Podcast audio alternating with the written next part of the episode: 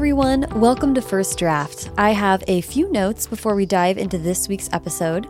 First, there are a lot of ways you can support the podcast, and one of them that you may not know about is buying books through the First Draft website. When you go to firstdraftpod.com and check out the show notes for each episode, there's links to everything that the guest and I discuss. If you follow those links to the book that a guest is promoting, or maybe one of the books that they mention in the course of the episode, if you click the link and buy the book through that link, then a portion of what you spend will go back to the podcast and it'll help me in producing it and in keeping the podcast free. So, the next time you think of a book you'd like to read based on the show, I'd love it if you would click on the link through the website. Secondly, I am about to tape another mailbag episode with a very special guest who I'm so excited to chat with. And I would love to get questions from you. I want to hear your lovely voices. So if you could call 818 533 1998 with any questions you have about creativity or writing or books or holiday etiquette or whatever is on your mind, uh, go ahead and give me a call and leave that question at the voicemail at 818 533 1998. Lastly, I am currently right in the middle of drafting a novel, and I've started posting updates on my Instagram stories, on the first draft Instagram stories, I should say. So if you want some insight into how I write on a day to day basis or, or or don't write on a day to day basis, highs and lows, um, you can check that out. It's at First Draft Pod on Instagram, and it's kind of it's been fun to hear people's feedback and to commiserate with other writers. Okay, that's all for now. Thank you so much for listening, and on with the show.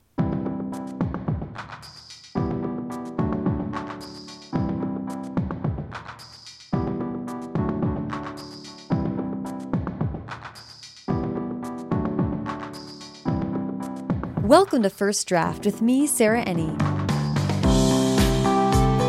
This week I'm talking to Tim Baltz, comedian and actor who co created, co wrote, and starred in Shrink and can now be seen on HBO's The Righteous Gemstones. He's also appeared in Bajillion Dollar Properties, The Opposition with Jordan Klepper, and Drunk History, among many, many more credits. I loved what Tim had to say about the value of early encouragement the scourge of quote unquote cool comedy, and how rare it is to find a protagonist with altruistic tendencies. Also, a side note to the listener Tim and I kind of neglect to provide a ton of background for The Righteous Gemstones, which is the HBO series that Tim is currently appearing in. So I'm going to give a little bit of background right now. The Righteous Gemstones is a comedy series about a world famous televangelist family with a long tradition of deviance, greed, and charitable work. John Goodman stars as Eli Gemstone, and his children are played by series creator Danny McBride, Adam Devine, and Edi Patterson. Tim stars as Edi's fiance, BJ, who has to face the selfish underbelly of this TV evangelical family. Okay, that should be all you need to know to appreciate what Tim has to say about it. So now please sit back, relax, and enjoy the conversation. Hi, Tim. How are you? Good. How are you? I am so good. I'm so glad that we could get together and chat today. Yeah, so thanks excited. for having me. Yeah. So, with my podcast, I like to start with some bio. I go way back to the very beginning. So, I would love to know where you were born and raised. I was born in Joliet, Illinois, which is about 90 minutes southwest of Chicago. My next question, which is about reading and writing and performing and how that was like a part of growing up for you. I understand that your dad was also like at home, you were also like learning about acting and stuff like that too, right? Yeah, my dad was a professional actor on stage in the 60s and 70s. He got a master's in theatrical history from the University of Illinois in the late 60s. Mm-hmm. And he toured with the Goodman Theater. He toured nationally uh, with a couple shows, one by Bill Daly, who was in Newhart and I Dream of Jeannie. Yeah. He worked on off Broadway for a little bit in New York. He lived there for two years. And he was married before he met my mom and then got a divorce. In the summer of 73, he walked from Joliet to South Dakota Uh, which I thought he just loved walking. Like we grew up being like he he walks everywhere. He loves walking, but really it was because he was going through a divorce. and I didn't find this out until I was 21, and I was going through a breakup. And my dad's like, "Why do you think I walked to South Dakota? I didn't want anyone to be in touch with me." Oh I'm my like, god. What? He'd look at me like, "Kid, what? Who likes walking that much?" Oh my god, that's so interesting. so I would talk to him. He introduced me to a lot of comedy. He loved W.C. Fields and you know like Fawlty Towers, Monty Python, a lot of old traditional stuff. But then you know he just had a a great eye for actors and directors, and he followed their careers and in ways that I think you know are, is easier to do now that IMDb is there because you can look Right. someone up and kind of see what their trajectory is. And back then, you just kind of had to know it. I mean, there is obviously when you know it, when you know the information and you keep it and you value it, it's a much more intimate way to process and um, you know exchange that information than just googling it. And he was a storyteller. Like he he wrote short stories and uh, he loved Robert Service, the poet. And he had a one man show that was all Robert Service poems Wow. uh, which was fascinating. I never got to see it because I think the last time he did it, I was like three years old. and then my mother was a Montessori teacher. Okay. And she's French. She's from the north of France. I want to know just a little bit. Like, I'm always interested in how creative people, people who grow up to be creative, what factors are in their young life that sort of like encourage that. It kind of seems like you were encouraged on at home and at school to think differently about. You know, you're not like the, going through the rote process of public school or something like that. Yeah, it definitely felt like a, a very interesting environment. And then my high school was fascinating because it was about 2,500 people. A tax referendum failed in my hometown before I started high school. And so it merged the two big public high schools together, Oh. which was Joliet Central, where I went, and Joliet West. There were a lot of activities that you could do at Central, but at the time there wasn't a ton of participation. Mm. So if you wanted to walk into any club or activity in school, you would get in. Interesting. Not sports. Sports, like especially basketball, was super competitive. We'd go to state every other year or so, and I played soccer all through uh, high school, and that was we were we were really good, and we were joined with this other school. So like, you know, to draw sports to draw from five thousand people is usually going to mean you're going to have pretty good teams. yeah.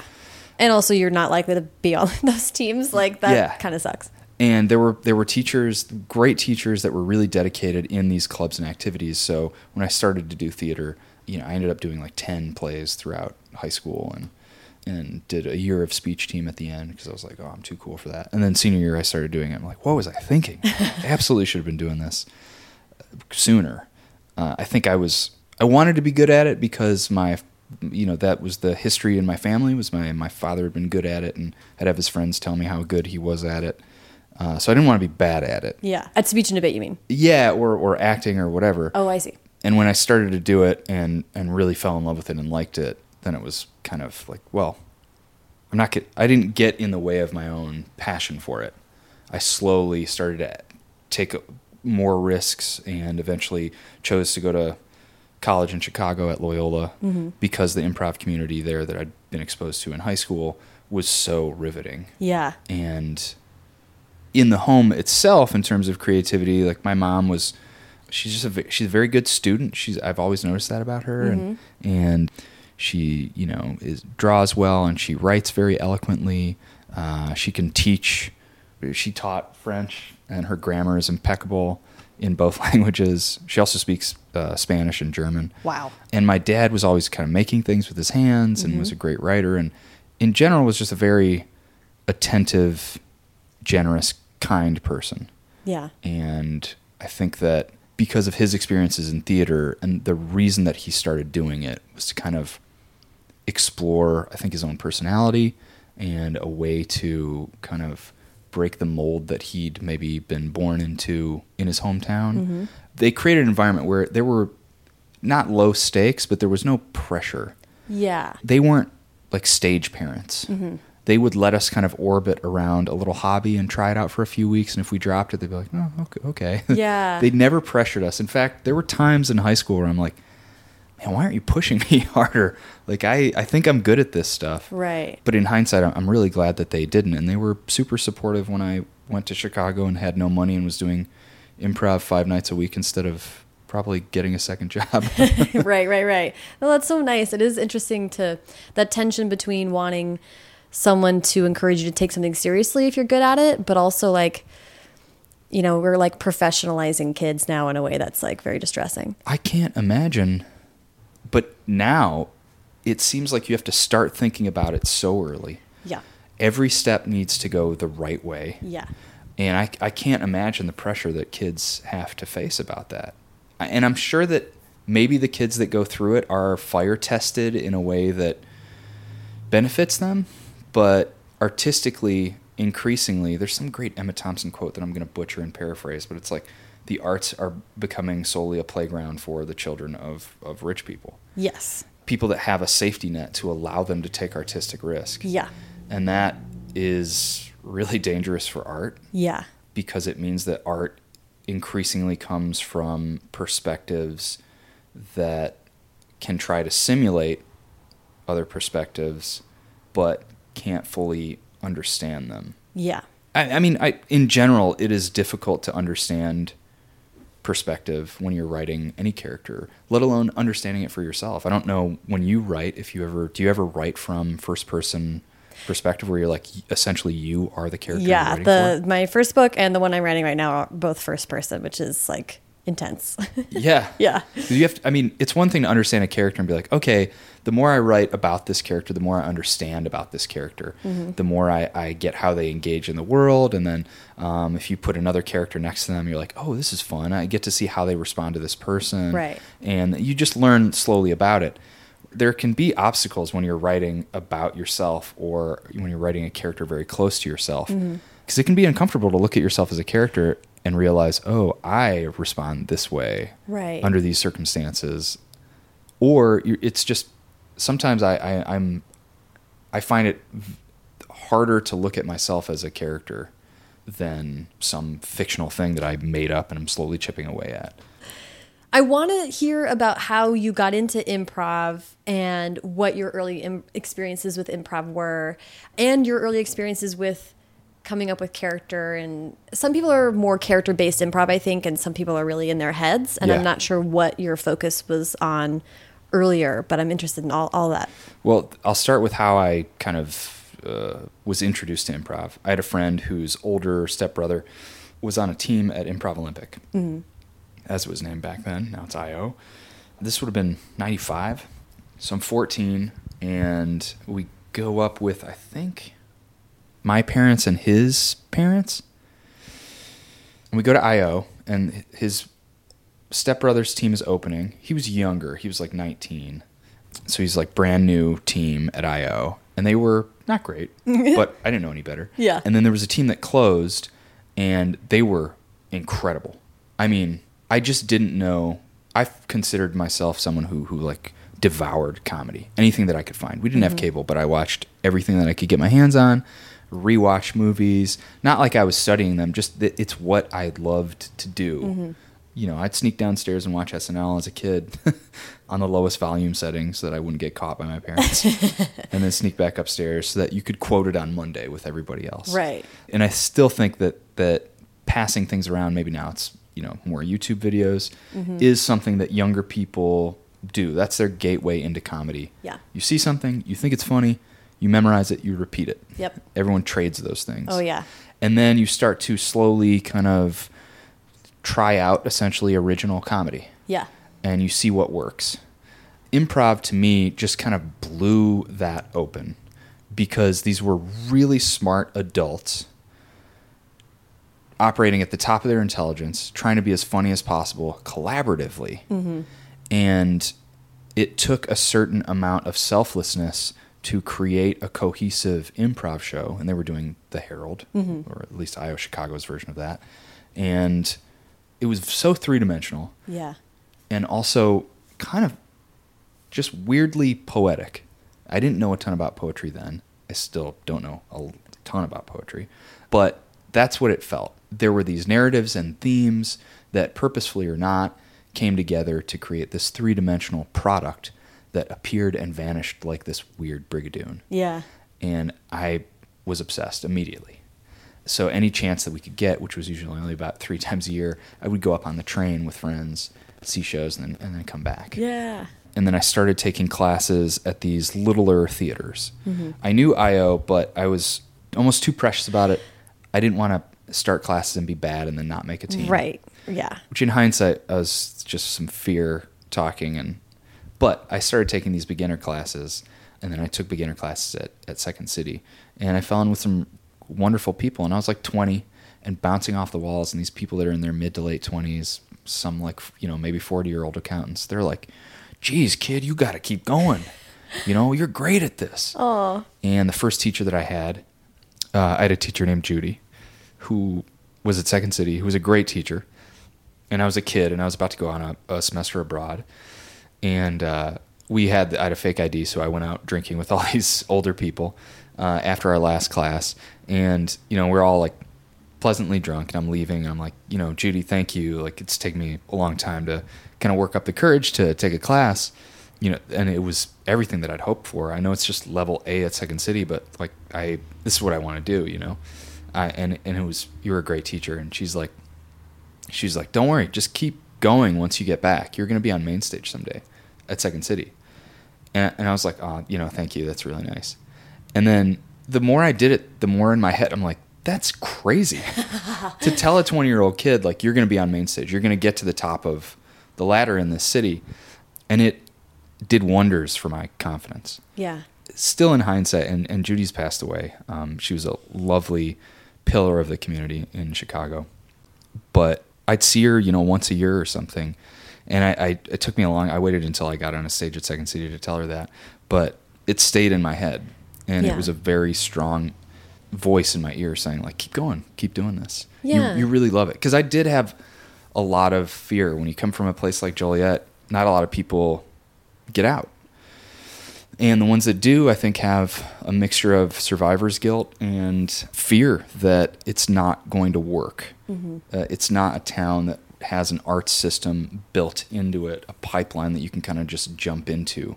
I think it's changed a little bit. It's grown by about 50,000 people since I was a kid, but there aren't a ton of examples of people that have gone off and successfully worked in the arts. Yeah. So I needed help. Yeah. I, I doubted myself a lot, and the community in Chicago created a very like welcoming environment. But um, I think about Judy a lot because she told me something I needed to hear. Obviously, Yeah. Well, it's so interesting. It's a little chicken and the egg, right? Because obviously, this is a person who it seems like was really experienced in that community and knew a lot of, of people. So I'm sure she did see that much talent in you, but also like knew you needed something to help move forward. You know what I mean? I guess so. Yeah. I mean, she when I finally told her about it, she was like, "Yeah, I, I never, I didn't worry about it." And, and then through the years, I'd see you doing things, and I'd be like, "Oh, of course. Oh, good. I'm glad Tim's doing that." Um, but it was it was indispensable encouragement. Yeah. Um, and I tried to give that to students whenever I had them. You know. Yeah. Because it's teaching is is really rewarding. I miss that about not being in Chicago. I miss that about being here Yeah. as frustrating as teaching can be sometimes when you have a lesson plan that you believe in and it, and it's not clicking, it's so rewarding to see talented people get it or grow incrementally, and then Yeah. at the end of like you know eight weeks or or whatever, um, thinking like, oh well, hopefully I imparted something, and, Yeah. and they'll be better for it. Yeah. Was the scene, I actually, I'm not super familiar with what the scene in Chicago is like, but what was it character based or what were you kind of exploring in at that time? There's kind of three hubs in Chicago, which I like. They they tend to keep each other honest to a certain extent, um, and all of this is relative to you know other cities. Yeah. But I have lived in New York. I've lived here for a while, and obviously lived in Chicago for over ten years. There's Second City, which is obviously you know started in the late '50s. Has a rich tradition. Has pumped out tons of iconic people that have helped shape shape American comedy. Um, they do a two act sketch comedy review, scene song monologue. In the early 80s, Cherna Halpern and Del Close create the Improv Olympic. That is exploring long term improv through the Herald and then kind of everything that proliferates from that. That becomes a hub of talent because of its, you know, its improv school. Mm-hmm. It creates a lot of great people that start to infiltrate Second City in the late 80s, early 90s, which produces some of the best shows. You know, kind of the, f- the first big peak is uh, Pinata Full of Bees, which is Adam McKay, Rachel Dratch, John Glaser, Scott Adsit, Jenna Jolovitz and uh, you know Tina Fey is in that. That's on the heels of Carell and Colbert and Amy Sedaris, and that's very much like there is a comedy snob audience in Chicago and also like a tourist audience, and so you're performing to that. Then there's IO, which is very much like kind of. I don't know. I never want to say jazz because that's such a weird comparison. But long form is a lot more exploratory than what Second City is. And then there's the Annoyance Theater, which was founded by Mick Napier in Chicago and, and owned by he and Jen Estlin now. And that's very much like the punk rock stepchild of the scene. Um, at least it was when it started. Now it's it's going on 30 years and it's a great place for people to kind of buck the trends that happen at the other two theaters. But you know, if you want to be the best in Chicago, you want to try to play at all those places, master all the styles. Yeah. like Bruce Lee. You know, then that then you're becoming your own unique version of all those styles. Yeah. Combine like Voltron to be the yeah, the primed comedian, right? yeah. In a nutshell, that's what that's the scene that I kind of entered into. Although the annoyance was dormant until 2006 because they didn't have a physical space. Got it. so entering into that space, I really just was obsessed with IO and I wanted to perform there. I, I loved what was happening there. And I slowly got to know more what happened at Second City. And then I got hired to tour there when I was 25 and uh, toured for two and a half years and, and was kind of off and running. Yeah. So when you tour, this is like kind of crazy to me. When you tour for two and a half years doing improv, like how many times a week? Like what's what's the lifestyle of that? I was working a desk job downtown in Chicago while touring. So I, I worked like seven days a week for like two and a half years. Wow. which I you know I could because I was in my mid twenties. But essentially, you have rehearsal a couple times a week with your touring company. You're doing a mixture of archive scenes from any time in the past at Second City and original scenes that you're writing mm-hmm. that your director is helping you write that you're testing in the usually in the improv sets mm-hmm. after your shows. And then sometimes you get to create an original show for the holidays or for a summer run at a performing arts center someplace. Mm-hmm. And on weekends or you know or during the week they book these shows. Now it used to be like a really heavy schedule. When i came along it had gone downhill i don't know where it's at now and we probably toured out of the month maybe like anywhere between like eight to eight days to two weeks Okay. out of the month. But a lot of times that translated into, you know, two or three shows every weekend. Right. So you'd be gone, you know, three days out of the week or something. And that's a lot of performing. I mean, it's just kind of feels like this boot camp Yeah, where you grow with in leaps because you're just doing it so consistently. absolutely. And you're doing these archive this archive material, which Yeah.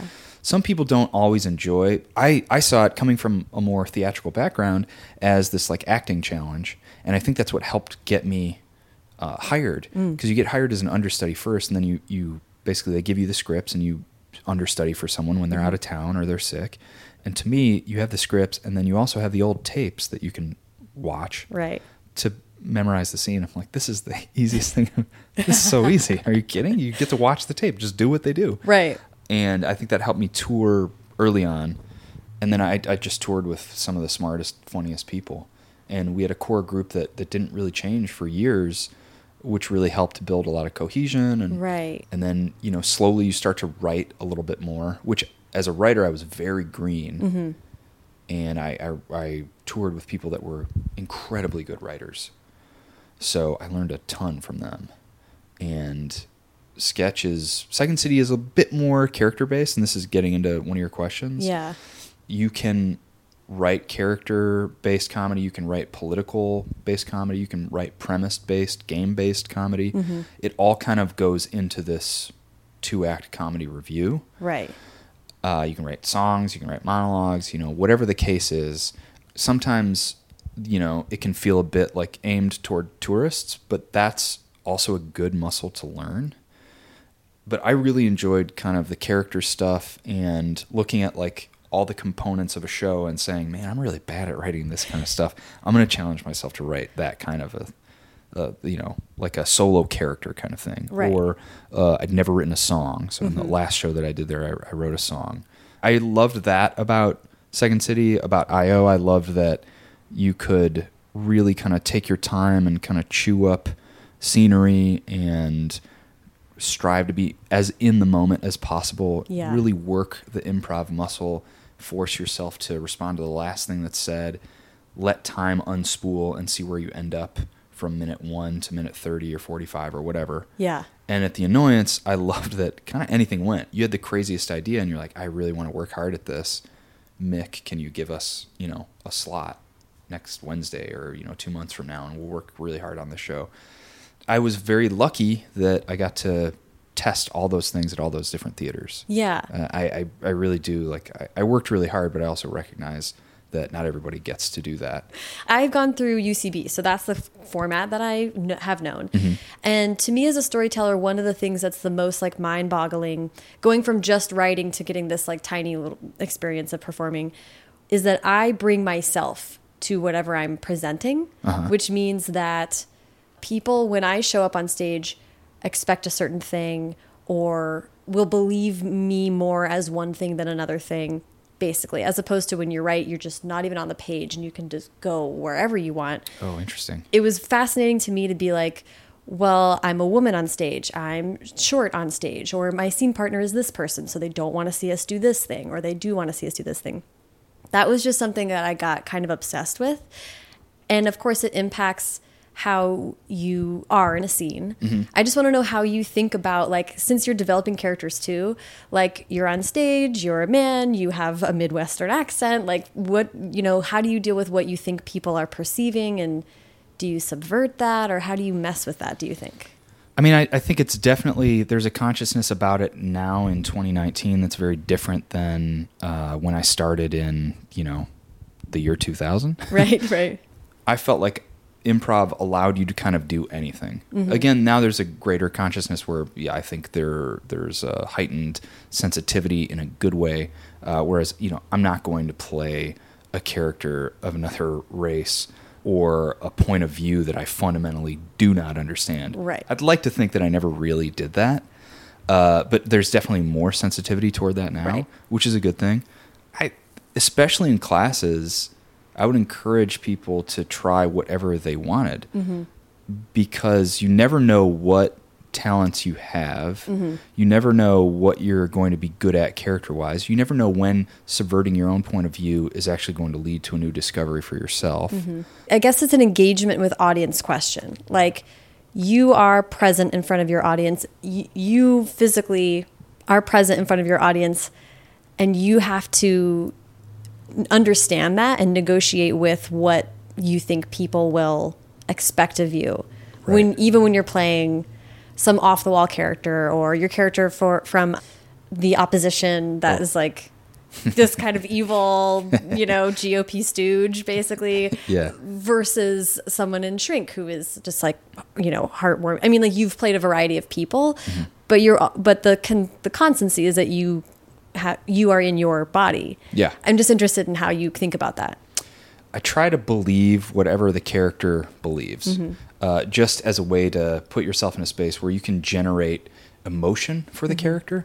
Emotion generates investment from the audience, empathy from the audience, and allows you to create opinions about the people that you're on stage with more quickly. Right. Those opinions then create a chain reaction, which develop a relationship hmm. more quickly than normal with your other scene partners. Mm-hmm. So when I make a character choice on stage, it always helped me to make it more emotionally so that it can spur the chain reaction quicker and it takes me out of a place of cerebral, detail specific invention Yeah. because the devil is certainly in the details and there might be a right answer or a more right answer or a funnier answer that you could come up with when your writer brain engages but it's so much more fluid and interesting to watch from my perspective to see someone emotionally take stock of what's happening knowing that the details are going to flow no matter what to mm-hmm. me making those emotional choices with a character allowed the, de- the the floodgates for details to open more quickly Yeah. I I hope that's Yeah, a that- more detailed response. That does. I mean, you're kind of embodying it I mean, the my and I hate to say like my theatrical background, like that's not ever how I approached it, but it is the makeup of my entrance into the improv community did come from that style. Mm-hmm. And so if I could attach myself emotionally to something, if I could start with that, I always felt more comfortable. When I couldn't figure out what the emotional stakes were, what my emotional opinions were on stage about the thing that we were looking at, or the person that I'm talking to, or the environment that I'm in, I felt more lost. Yeah. I noticed that over the years. That wasn't a conscious choice. It was just in hindsight, I realized, oh, uh, that's what makes me feel comfortable. So then now I can reverse engineer that comfort and try to find the comfort at the beginning of the scene in order to speed up this process. I think Yeah. that's a realization that I had a few years in. I think on my first Harold team, I had a, a teammate that was like, You actually believe this shit's happening on stage? I'm like, well, I'm not like challenged, you know? Yeah. I just, that's how I, I had a director in high school who like would bitch us out so hard if we broke. Oh, interesting. I mean, he would stop everything and just be like, "What do you think we're doing here?" Whoa. And this was with scripted material. Yeah. And that coupled with wanting to emotionally invest in scenes meant that, and, and then also watching what I enjoyed watching. I just always thought something was more powerful if you're not breaking. Yeah. When you're breaking on stage and you're saying like, "Look at this spectacle of me enjoying myself so much." So as an audience, what are you saying? You're saying like the audience wants to watch us just break down and like giggle at each other.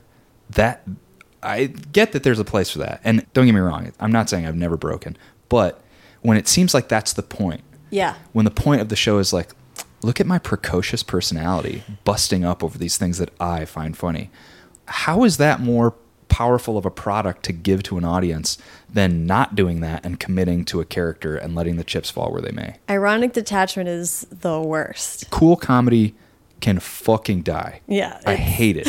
It's not.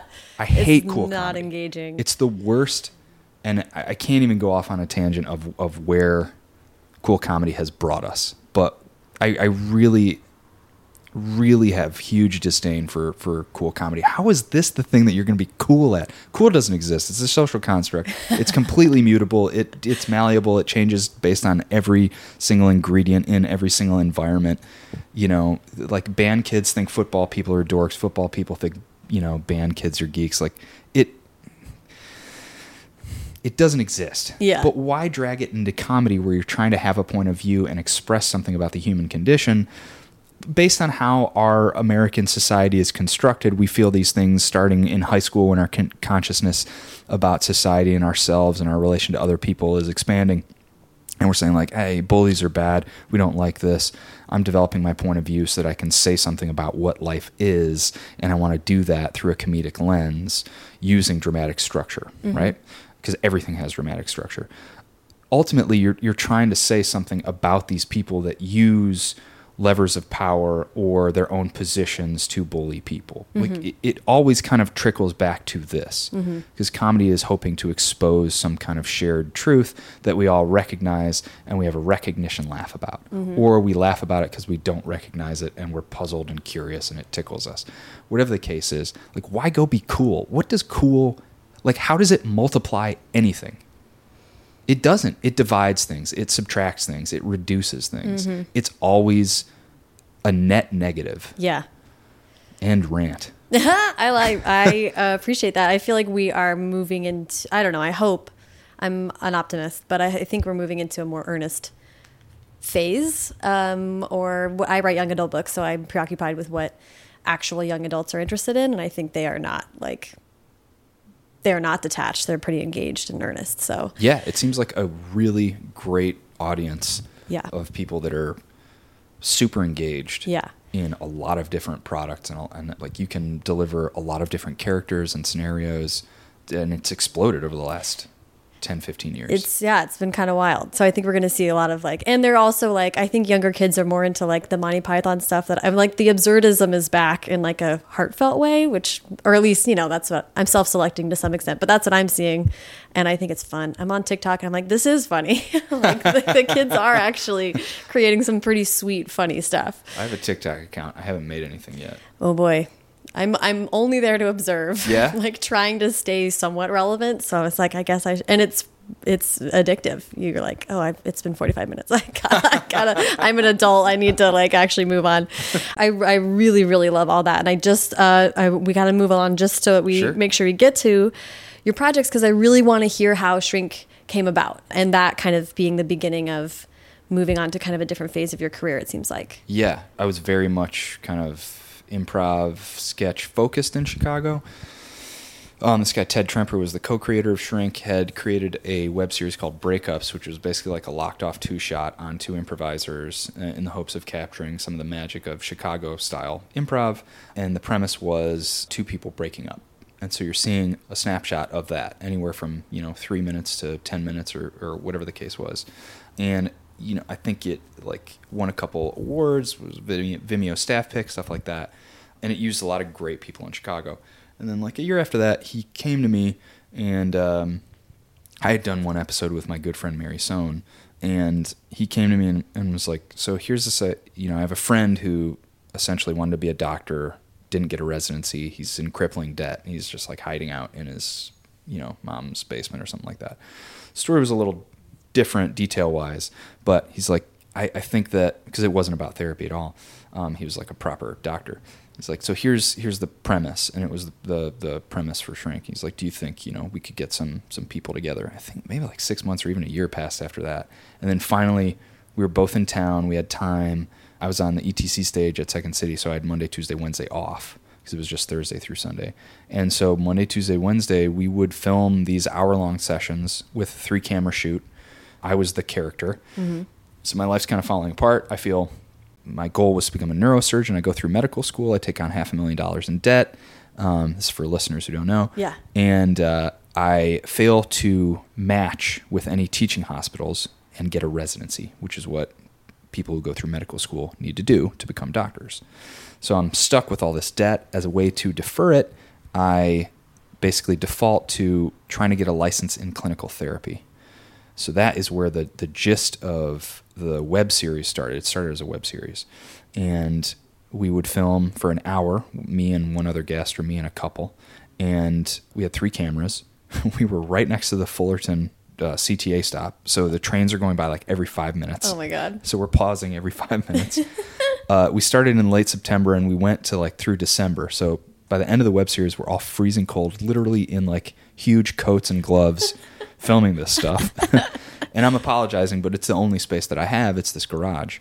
And then once we finished that and it had, you know, success, there weren't a ton of, this is 2011, there weren't a ton of web series being made in Chicago at the time mm-hmm. because trends sometimes hit it later than, than another, than in New York and LA so it it did well according to you know Chicago standards, and there was a lot of excitement about it. People were sharing it a lot, and then Ted had this idea. He's like, I think that we can make it into a pilot if we film this chunk with we get a supervising therapist who ended up being Sue Gillen, who plays it in brilliantly in the uh, in the Seeso and you know the full season that we made. Claudia Wallace, who's the secretary in her office, who kind of grills me. Um, she's brilliant in the original too. Honestly, she, the first two minutes were so good with her that that got us in the door everywhere. Really? And then with Sue, as everyone everyone's comment was like, "Who's this real therapist you got to do this?" So it was like Claudia and Sue are the reason it got made. Well, they're the reason that it it had a life beyond that point. Interesting. And then we filmed like the end of the original pilot was the kind of the end of the full season Got it. Okay. and uh, we filmed that. We took to New York Television Festival. We won a couple awards, and a producer from Jean Doumanian Productions, this guy Patrick Daly, who's also mainly the reason why it got made. Uh, he's like, I want to, I want to develop this with you guys. Um, then we'll go out and pitch it. We got six months. We're like, oh shit, okay, six months, which is a lot of time. we were so bad at it. We overwrote it. Oh my god, we were coming in with like twenty page like development pitches, and he's like, guys, this needs to be eight pages max. What are you doing? So we got it down. We pitched it. We ended up we pitched it eight places in May of 2013, and we sold it to Pivot, which doesn't exist anymore. And it sat in development there for two and a half years.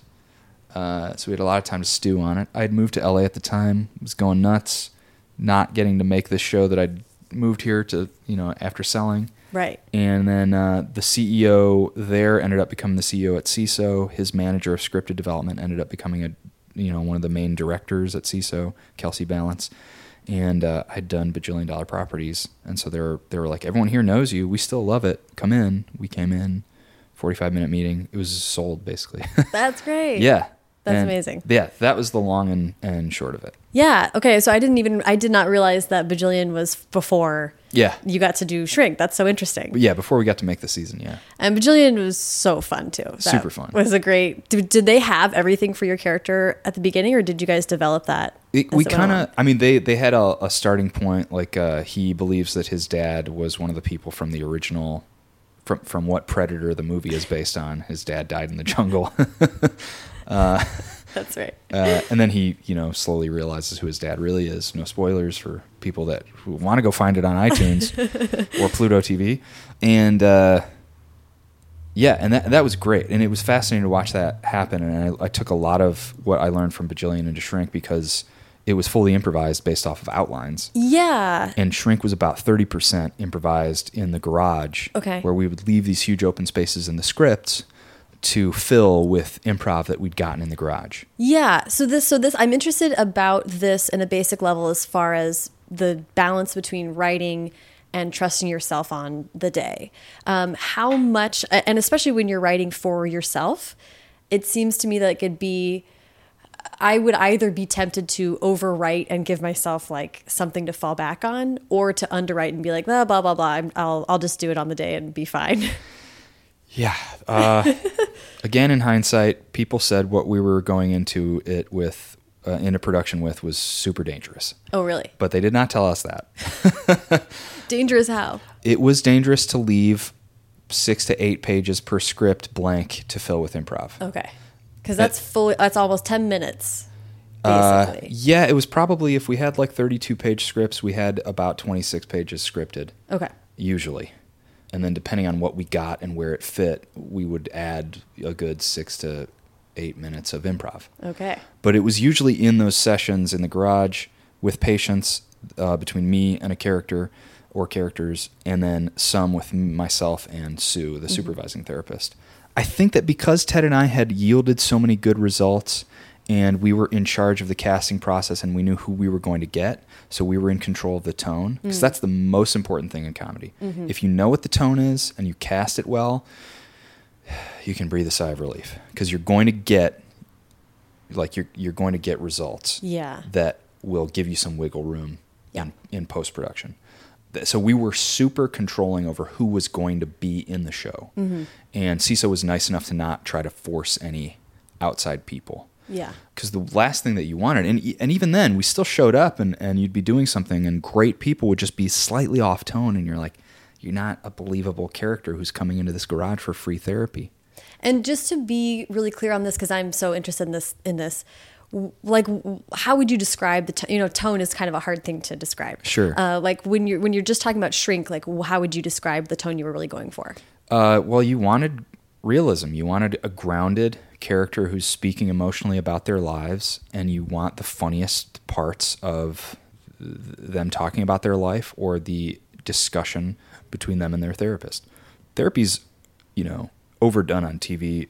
Dr- uh, scripted dramatic, scripted comedy, and scripted comedy. When you're doing therapy too, it's always like really ho- hokey stuff. You know, I'm going, I'm rewatching Sopranos right now, and there's still a lot of like, tell Tony, tell me about your mother. Yeah. it's like Jesus Christ, why is everything about my mother?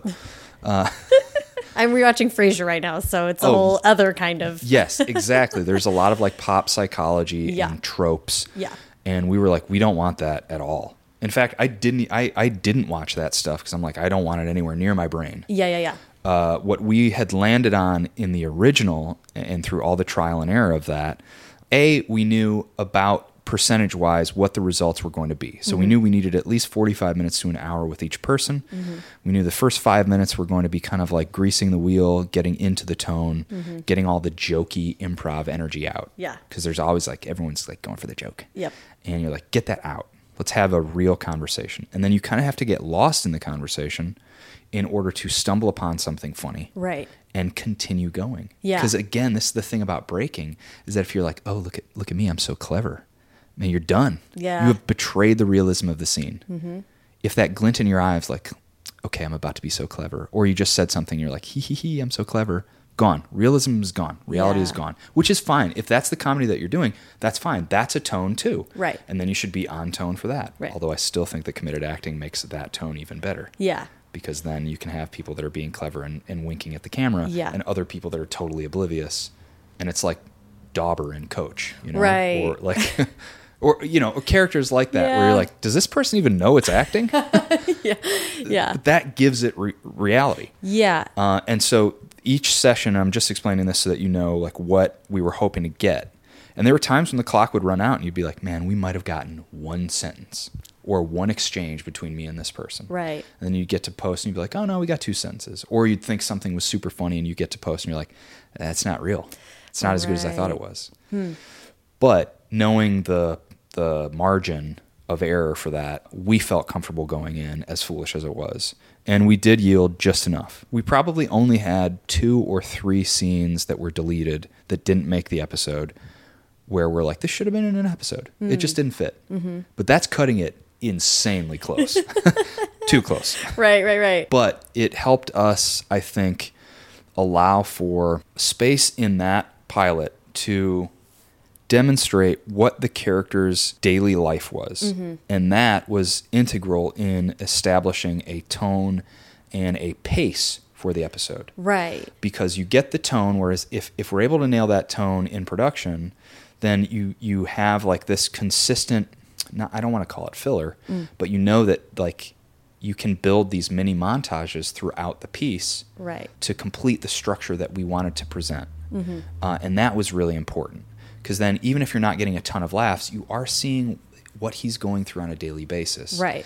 and then when you pop over to these scripted moments where he's, you know, we're trying to demonstrate something dramatically that's happening in his life, or it's uh, you're trying to support this premise for the episode or the A or B or C storyline, mm-hmm. then you have these mini montages that can essentially thematically boost and support what you're trying to say. Right. So, like in the second episode, he misinterprets his supervising therapist's suggestion to have people write letters to each other. Mm-hmm. And he thinks they're supposed to say those things to each other. And it's these mini montages of him screwing up and watching everyone interpret it poorly and him thinking like I'm doing I'm doing the good I'm doing Yeah. the work, you know? Right. And then him writing these letters himself and pissing people off and trying to chase down everything. So it served everything serves kind of the A storyline Right. and we could kind of blend the A, B, and C storylines a little bit because these mini montages were interesting enough and they start to slowly make you fall in love with these side characters that you're tuning in, you're getting just enough laughs, and then you're back to the story. Yeah, that's so great. I, that's and it's fascinating. I mean, I'm always fascinated at how improv can work in these traditionally scripted environments and how much and setting out tone. You know, it's hard. T- And tone kind of tells you what type of improv you can go for and, Right. and how much of it will be useful. Yeah. So like with Bajillion, all of it was improvised based on outlines. Sometimes you'd have like a like suggested dialogue, and it would be really funny. I'd be like, "Oh, I got to say this," and you'd start the scene, and then the scene would kind of go long, you know, and and have a little fat around the edges. And then you, the more you do it, the more you kind of refine it. Or you nail it the first time, and then you're like, okay, so we got that. We just need to get this piece from this angle, and then we can kind of run long and go looking for new stuff here Right. but also what I learned, especially watching that go through post and and watching finished episodes, was, and the editors of the show would tell me that too, and and Kulop that if you're reacting emotionally, like the camera needs it, like the story, even though that's like these improvised like little character bits that come in Right. three beats, you still need to demonstrate what emotionally that character arc needs to accomplish or what that scene needs to accomplish for the story as a whole for the episode. Right. So if you need to start this scene confused and end it angry so that you storm off and the second beat of the B storyline is you coming in with a full head of steam in this scene. Right. You have to accomplish that. So Yeah. the improv has to serve that. What you always have to ask yourself, what are we trying to accomplish in this scene? Does improv help us? Yeah. So in Shrink, I knew like in those patient sessions what we're trying to accomplish. And and coming from the original web series and pilot, we knew how to best approach that. Right. But then with other scenes that were scripted, we'd look at it, and we'd be like, okay, this scene's a page and a half. We feel pretty good about the script, but you know, technically if we're just ending with confusion here, we could improvise and just have people misunderstand each other. So you can improvise as much as you want. And stay in confusion and you're fine. Yeah. Yeah. But you look at the script and be like, we probably don't need to improvise until this point. Mm-hmm. Or you'd be like, you can improvise some filler at the top of this scene, but then you kind of need to nail the script because we're bouncing from here to here in the episode. And then this beat here picks up later with this beat here and this character feeling Yeah. XYZ. So those things are important, and that's all about story. Yeah. There's not, you can't improvise story. Right. Well, no, you can, but it's probably not going to be as good as if you're sitting and writing story Yeah. which is why most improvisers and teachers are taught to avoid story and plot Mm-hmm. because it ends up looking kind of sloppy. Right. Well, yeah. But I I also think that the biggest magic trick that you can pull is doing that successfully in an improv show. Oh, I mean that's when it's magic, right? When Yeah. you're like when when you're like I I actually can't believe that wasn't written. That's so so satisfying when you see that. Totally. Yeah, that's fascinating and it's very um you know it's akin to in a book I mean in a book I think about tone and voice as being very similar and especially like right now I'm in I'm in drafting a book and it's very I want a certain tone, but it's hard to police yourself all the time and then on the page I'll write a bunch of alts for myself and be like, well, it, this is very funny to me, but it's definitely not serving what needs to happen before I get to chapter three. Right. It's just there to entertain me, so it, it has to go. But it's hard to maintain any kind of separation from that while you're in it. And you're in it the whole time. You're like writing it and performing in it and editing it. it. Yeah. It that was those hats were hard to juggle a little bit. One of the things that we mourned because we got season 2 greenlit and we definitely grieved not being able to do it for, you know, the just the creative reasons, but also because we learned so much from season 1 that I came out of it and I remember in post sitting around thinking like, okay, we're going to get a season 2. I need to write a document. I wrote pages and pages for like here's what needs to change. Right. Here's what worked, here's what didn't work. Here was the kind of gray areas where we were all getting confused. Mm-hmm. Um, if I'm going to do this again wearing all three hats, then uh, th- here's how we need to streamline this process so that we're Yeah. avoiding these kind of last minute discussions or arguments. You know, it's really shocking that it all went off. That the pro- that we delivered the product that we did because we had a ton of obstacles that I publicly can't talk about. Ah, well, it ended up being like it was such a surprise to me. It was just so like I didn't know what to expect going into it. I'd seen Bajillion, I think, and then I was like, oh yeah, watch this, and it was just like, um, it was great. I loved it. So Well, thanks. yeah, I'm happy that you got to do at least one season. Never say never for another one. I know. Uh, it makes so much sense. Like i i- it's interesting that you got to do Shrink after Bajillion because your character in Bajillion Dollar Properties. I'm gonna make sure we say the whole thing. Is like one of the most grounded. I mean, that's a pretty a pretty cuckoo cast, and they got to go do some like pretty banana stuff. And then you always come back to Glenn, who was like struggling. I know.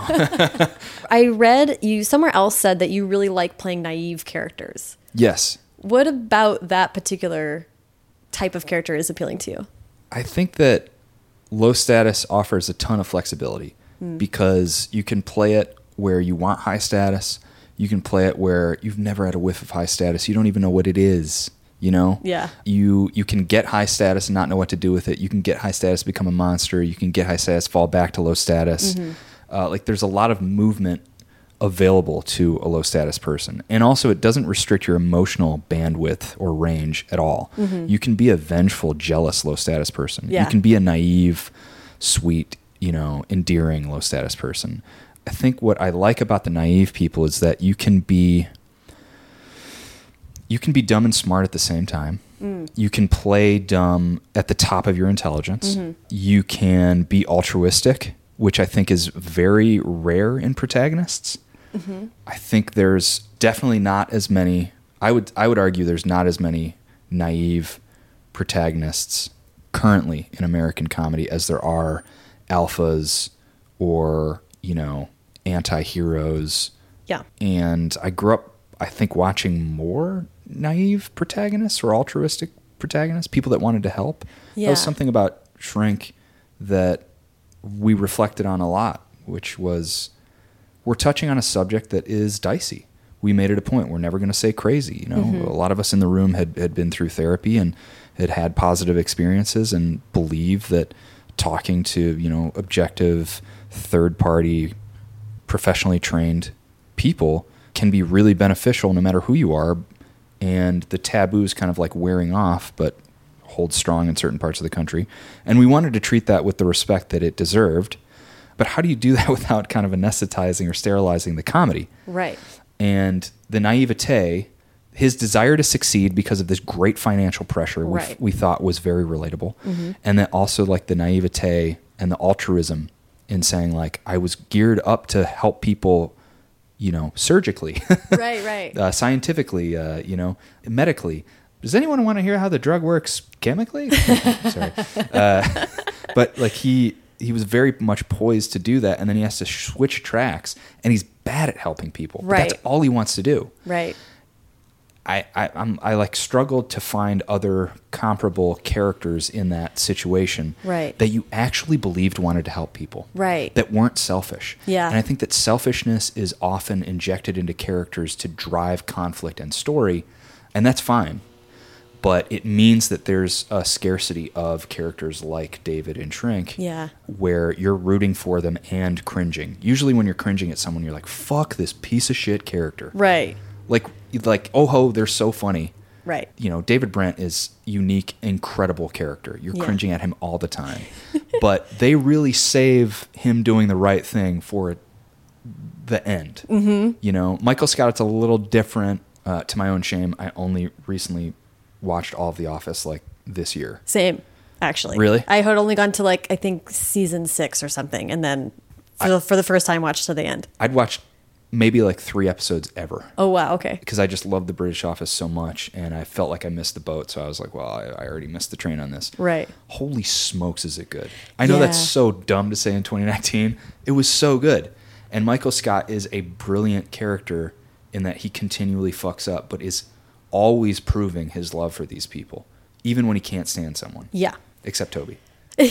He hates Which Toby. is great. I mean, the, the Leslie Knope uh, and her interaction with Jerry, right? Yeah. There's like, there's, you can, you earn that sometimes when you have enough grounded emotional connection to all the other characters, then you can hate Toby.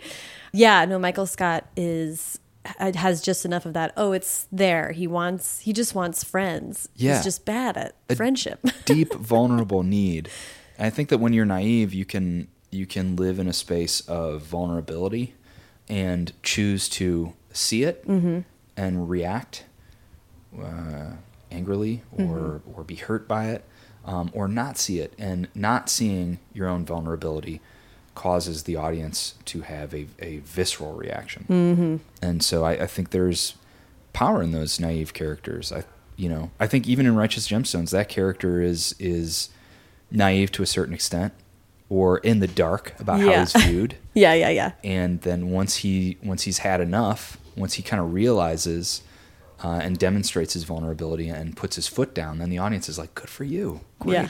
and that like naive naive characters create like a certain momentum you know? They're in they're on a collision course with people. Yeah i, I, I don't know how you feel about them or if that's if that yeah, resonates at all. It's interesting to think about when you're talking about a naive character. I think there's a ticking clock that happens instantly, right? Yeah. The audience is like, when are they gonna realize? When When- is when are they gonna have that face clearing moment? and and is it going to be dramatic violent is it going to be an epiphany like how, how are they going to respond when they get the information that we already have Yeah. There's there's it's interesting to think about all the tricks you can like when the audience knows something and the character doesn't. That's kind of a fun space to play. Uh, and then you can build the tension and really get people invested. yeah So I want to get to Righteous Gemstones. The show is like is a lot of I guess would you call them betas trying to be alphas? I mean they're kind of there's no there's some true alphas in there I mean John Goodman is John Goodman, Yeah. so and and danny too is great at playing like really flawed alphas yeah. maybe maybe the skill set of some of those characters is is not alpha but i think usually like he's a really great he's got his finger on the pulse of how to satirize that traditional stereotype uh, which uh, you know a lot of which are, are found probably well, I mean all over the country, but he he usually focuses them uh, in the South, and puts them through a cycle of overconfidence, um, uh, you know, being a victim of your own mistakes, Mm-hmm. having to repent and humble yourself, being accepted for that repentance, uh, growing overconfident, and repeating the same cycle. Yeah. and uh, that's brilliant. Yeah. because that we watch that happen over and over again in real life in America. Yeah. and sort of fit into that, and he, and he described it as like you're kind of the the, the eyes of the audience. Mm-hmm. You you are looking at this family like what is wrong with them, the same way that the audience is looking at them and analyzing their flaws. Right. And so that was the pilot. And then when we came back, we just started reading scripts, and, and the way that they took every character was, I thought the arcs were super satisfying, really original. And then the more they came in, and I looked at what I was going to get to do, I, I was thrilled. Because it was fun to play that and then put my foot down. Yeah. No spoilers for people, and kind of take the character in the direction that he goes in Yeah. uh, especially opposite Edi Patterson, who's just you know the the biggest joy to play with. That I can have these kinds of conversations with off screen, and the same kind of like kind of respect for the craft, but also the foot hovering over the accelerator. Yeah. know, and and the the hands nimble on the steering wheel. Like we can really, I really feel like we can go anywhere uh, at whatever speed uh, together Yeah. and and you know I get to follow the the craziness of that character, but also the emotional investment that they have with each other. Yeah. That was so satisfying when I read that, and exciting Mm-hmm. to get to to do. it's a, it's like it's such a gift to you, right? Like you're supposed you're the the eyes of the audience, but also that character is joining this family like wants things to work out, right? Like Yeah. you want the best for them even as you see like how insane they are. It felt very original that, that you would have this character that is kind of naive, that's vulnerable, you know, that isn't on the same level, that wants to be on the same level as this flawed family. Yeah. Is learning about their flaws, but is so in love with this woman that he's like, You think that I would react that way? I wouldn't. Right. I, I like I want to be with you that much. Like it's not it's a blip in his radar. and their their love is very kind of strong and pure in a weird way. Yeah. but also really easy to, to commit to emotionally and, and dig in on. And I think a ton of great, really original laughs come from that um, emotional investment. Because when you're when you get an audience to emotionally invest in that, they don't see the left turns coming. yeah. They don't. You know, Right. Because they're, they're they're invested. Some of the greatest laughs of all time are unexpected, and you can't have unexpected laughs if you know exactly where someone's coming, Right. or everyone's tipping their hand or winking at the camera that a joke is coming. Yeah. What I would love to get to is is talking about what else you would be developing or how you write for your, or how you're thinking about writing for yourself going forward. And then I do have a question about you said in an interview somewhere that Randy Snuts is your girlfriend's favorite character. Yeah.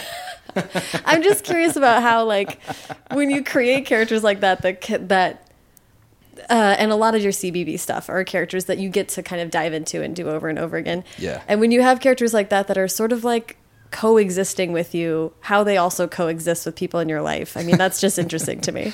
Well, and this comes back to something that I said early on in this interview when you're kind of watching TV and you're just mimicking things. I really loved doing impressions uh, because of maybe because of SNL, but I, the best impressions that I had were of people I knew. Ah. I was really good at impersonating my friends. Mm-hmm. And Randy Snuts in particular, also I think is kind of regionless. There are dudes that talk like this like all over the country Yeah.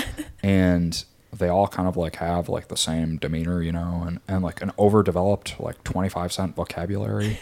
um, that was maybe more prevalent in the 90s, but it basically, I knew two guys that sounded exactly like that.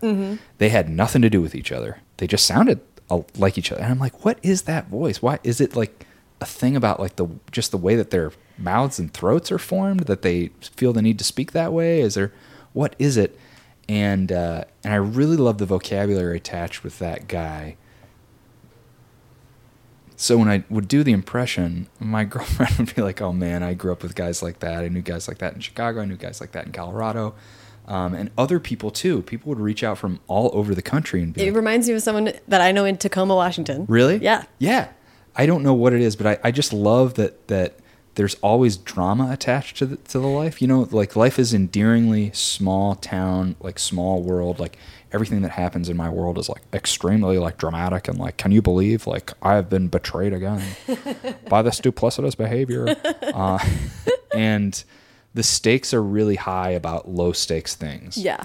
Uh, and and but to me, what's what I love about that is that they're taking their life so seriously. Like the, he, this Randy Snuts guy takes his life so seriously. You know, it feels like he's in like some Greek tragedy or Shakespearean play where like there are all these like maneuvers going on around him. Yeah. Uh, and he has to like keep his eyes peeled. Uh, when really it's just kind of being overly precious about your life that probably doesn't have a ton going on in it. You could cut some of that drama out yourself, but Mm-hmm. cooked into your personality is this inherent like dramatic flair. Yeah. And in a guy, I, th- I just have always thought that was so funny. It's very funny. I'm also just interested in how, like, I'm guessing if Randy is your girlfriend's favorite character, that she also has characters like maybe uh, your character on the opposition that are just like not her favorite. or I'm just interested in how, like, uh, how because I have friends that created characters, and I'm like, oh, I sometimes I just want to see you do be this version of yourself, like Yeah. you access some thing and it could go forever and it's just like not the person I see the rest of the time. It's just so interesting. Yeah. So I don't know how you think about people who know Tim. How do you think about how when they're presented with these other versions of you? You know, it's not always, and and I'm sure you know this, and and you and you obviously have observed this in your friends. They're not always received the same. Right. Sometimes well, or or people can be surprised by something new that you're doing and and like it or not like it. Um, as an artist, I'm sure you know you're always fighting other people's perception of you and the box that they kind of naturally create unconsciously or Yeah. consciously and then you stepping outside of that disappoints them to a certain extent you get to moonlight in a different space you get to moonlight in a different way to make choices and value different things and that's i mean it can be really freeing when you find a fun character that you just want to play with Yeah. and you don't really care if you're getting laughs with it. Uh, you're just exploring it, and you feel like whatever comes out of your mouth is true for this character, and therefore you're just hunting around for like the best punchlines to put in a character. Right. And if I test something out live, usually that's that's what I'm doing. I'm trying to trying to do 10 minutes of comedy to uh, yield five minutes of really tight comedy Yeah. and hopefully go back through it and be like, okay, this didn't work. Okay, this really worked. I can punch this up. Here's the structure that kind of presents itself. These themes work for this character better than this. It seems like uh, the audience views this character as this person, so maybe it's better to present them in this way. Stuff like that. Yeah. And it has strengths and weaknesses. The uh, yeah, what, the other question. What you are writing or creating for yourself now or or how you're doing that now and then we'll wrap up with advice. Oh yeah. So right now, working on uh, developing some animated stuff that my girlfriend and I work on, and then looking at like feature ideas, kind of trying to circle the wagons on what exactly, if there's a personal story that I would like to embody in the format of a feature. So I really would love to tackle that. An Yeah. indie comedy would be so much fun. I, I want another project like Shrink mm-hmm. that takes the majority of a year Yeah, right. and that you come out with a product or a calling card that you're really proud of and that you're like, well, however it goes. It's not like I need something to explode. You know? Right, right. Like I've already gone through it with Shrink. I made my peace with the fact that it got the visibility that it got. Right. The people that that liked it, enjoyed it, and and reached out to me from it, understood it. Mm-hmm. Would it be great to have like something that I had created myself to be that big? Yeah, to be as big as like Gemstones or or, or other projects. Sure, um, but that doesn't lessen my pride in that particular project. Yeah. So having gone through that and made peace with it, I think I now understand the levers of power and success in this town Yeah. and in the country and can approach a project cognizant of those things, but also know that if it doesn't go the way that I expect it to go or or want it to go in terms of success, like I'm fine with that if I'm proud of it. Right. Like I still I haven't watched Shrink in a year maybe, but um, the last time I did, I was like, "There's a lot of laughs in this. There's a ton of laughs, and I love the way that it ends. Yeah. Yeah, that was a great I mean like it's killing me that there's not a second season also because as a viewer I was like, holy cow. Well, um, so I always wrap up with advice.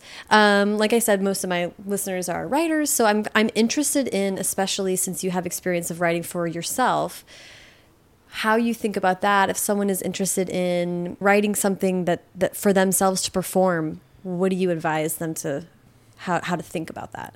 Okay, so for example, if you're writing like a character, you know, and you need to do a five minute or seven or ten minute character, or whatever the case is, I try to start early enough. I am deadline driven, unfortunately, but I try to start early enough so that I can generate a bunch of ideas. Some of them will come out in you know one sentence. Uh, you know, it'll be inspired by a song or uh, you know something I read or or or someone that I see in real life, a character uh, that I want to explore. Mm-hmm. But I try to write all these down so that just like if you're writing log lines, you know, for a script, uh, potential script, you can compare all these different ideas and say, okay, which one can I get to the next level with? Right. The, the easiest, you know, and then I'll spend time writing on that. I'll mm-hmm. fill out, you know, just a scrap page in a Google Doc and try to write as many punchlines as possible. Sometimes the structure is perfectly there. Mm-hmm. Like, oh, I want this character. He's at a grocery store, and here's what happens. And I know yeah. the structure already, and it has an emotional arc to it, and I feel confident. It's just I'm just filling in punchlines. Other times I'll work from punchlines and if an idea allows me to write a, just a ton of jokes, mm-hmm. then I'll go back and I'll stare at the jokes and just try to magic eye a structure from it. Right. And then if the structure kind of comes up naturally, I'm like, oh, okay, so I don't really have a good intro for this character. So I need to introduce this character. What introduction would make the most amount of these jokes work as possible? Right, right, right. and then what kind of structure and skeleton can I put all these jokes into? Yeah. Sometimes that doesn't work. Sometimes I'm like, I just have a bunch of jokes on a page. so sorry, I'm moving on to the next document. but if I can start from there, build kind of a bunch of ideas that I am technically excited about when I first think of them, and then upon reviewing them, I get more excited about some. I put some to bed. Then I at least have a little document or a notebook with a bunch of one liners mm-hmm. or paragraphs about characters so that the next time I have to write something, I'll go back, I'll look at what I've written. That's so smart. Ones that I didn't do. Yeah. And be like, oh, look at this. Okay. Oh, you know what? I hadn't seen a structure come out naturally last time, but now I do based on new information that I've received in my life. Yeah. In the news or emotionally or whatever. And now I have a better approach for this character. And so you can really use like every part of the buffalo, so to speak. Yeah. If you keep all these different scraps. That's really smart. Any way you can help yourself from having to start from scratch every time. anyway, like I had, I did a character at Atlantic City at UCB that was a male witch and it was based off an old idea I had where I'd been pulling tarot cards like last year, and I just wanted to write jokes on tarot cards. Mm-hmm. And I was like, I don't have the time to like print things out and put them on cards and whatever. But the majority of the jokes that I'd written fit into this like male witch character, and I was like, oh, so I'm just gonna take all these jokes and put them over here. That's awesome. and it worked, and then I figured out a structure and I tested it, and it was like a B plus.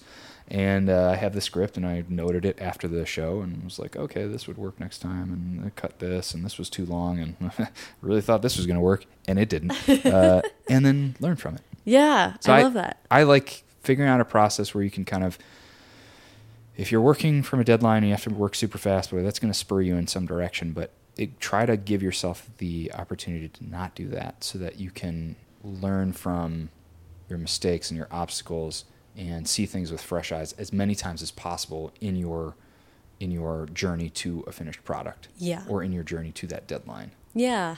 I think that's so smart. I love that. And then yeah, that's like a very uh, practical advice. I like that. And in terms of scripts, i am actually taking advice right now and not giving it. Great. All right. So find Tim on Twitter and send him advice. Um, this has been so fun. Thank you for giving me all this time. I really appreciate it. Yeah, my pleasure. Yeah. Thank you. Thank you so much to Tim.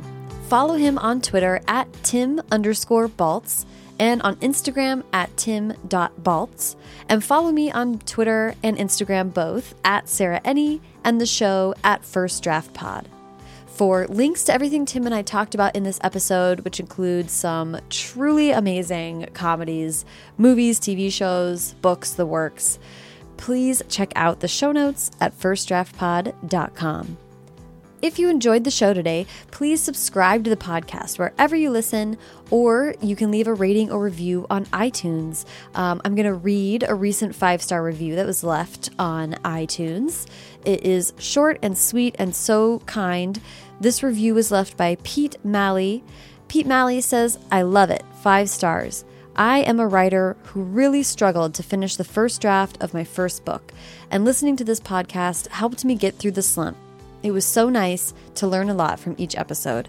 That's awesome. Pete, I'm so glad that you found the podcast helpful and that it in any way motivated you to finish the first draft of your first novel. That's incredible. Congrats. Um, and thank you so much for taking the time to leave that review.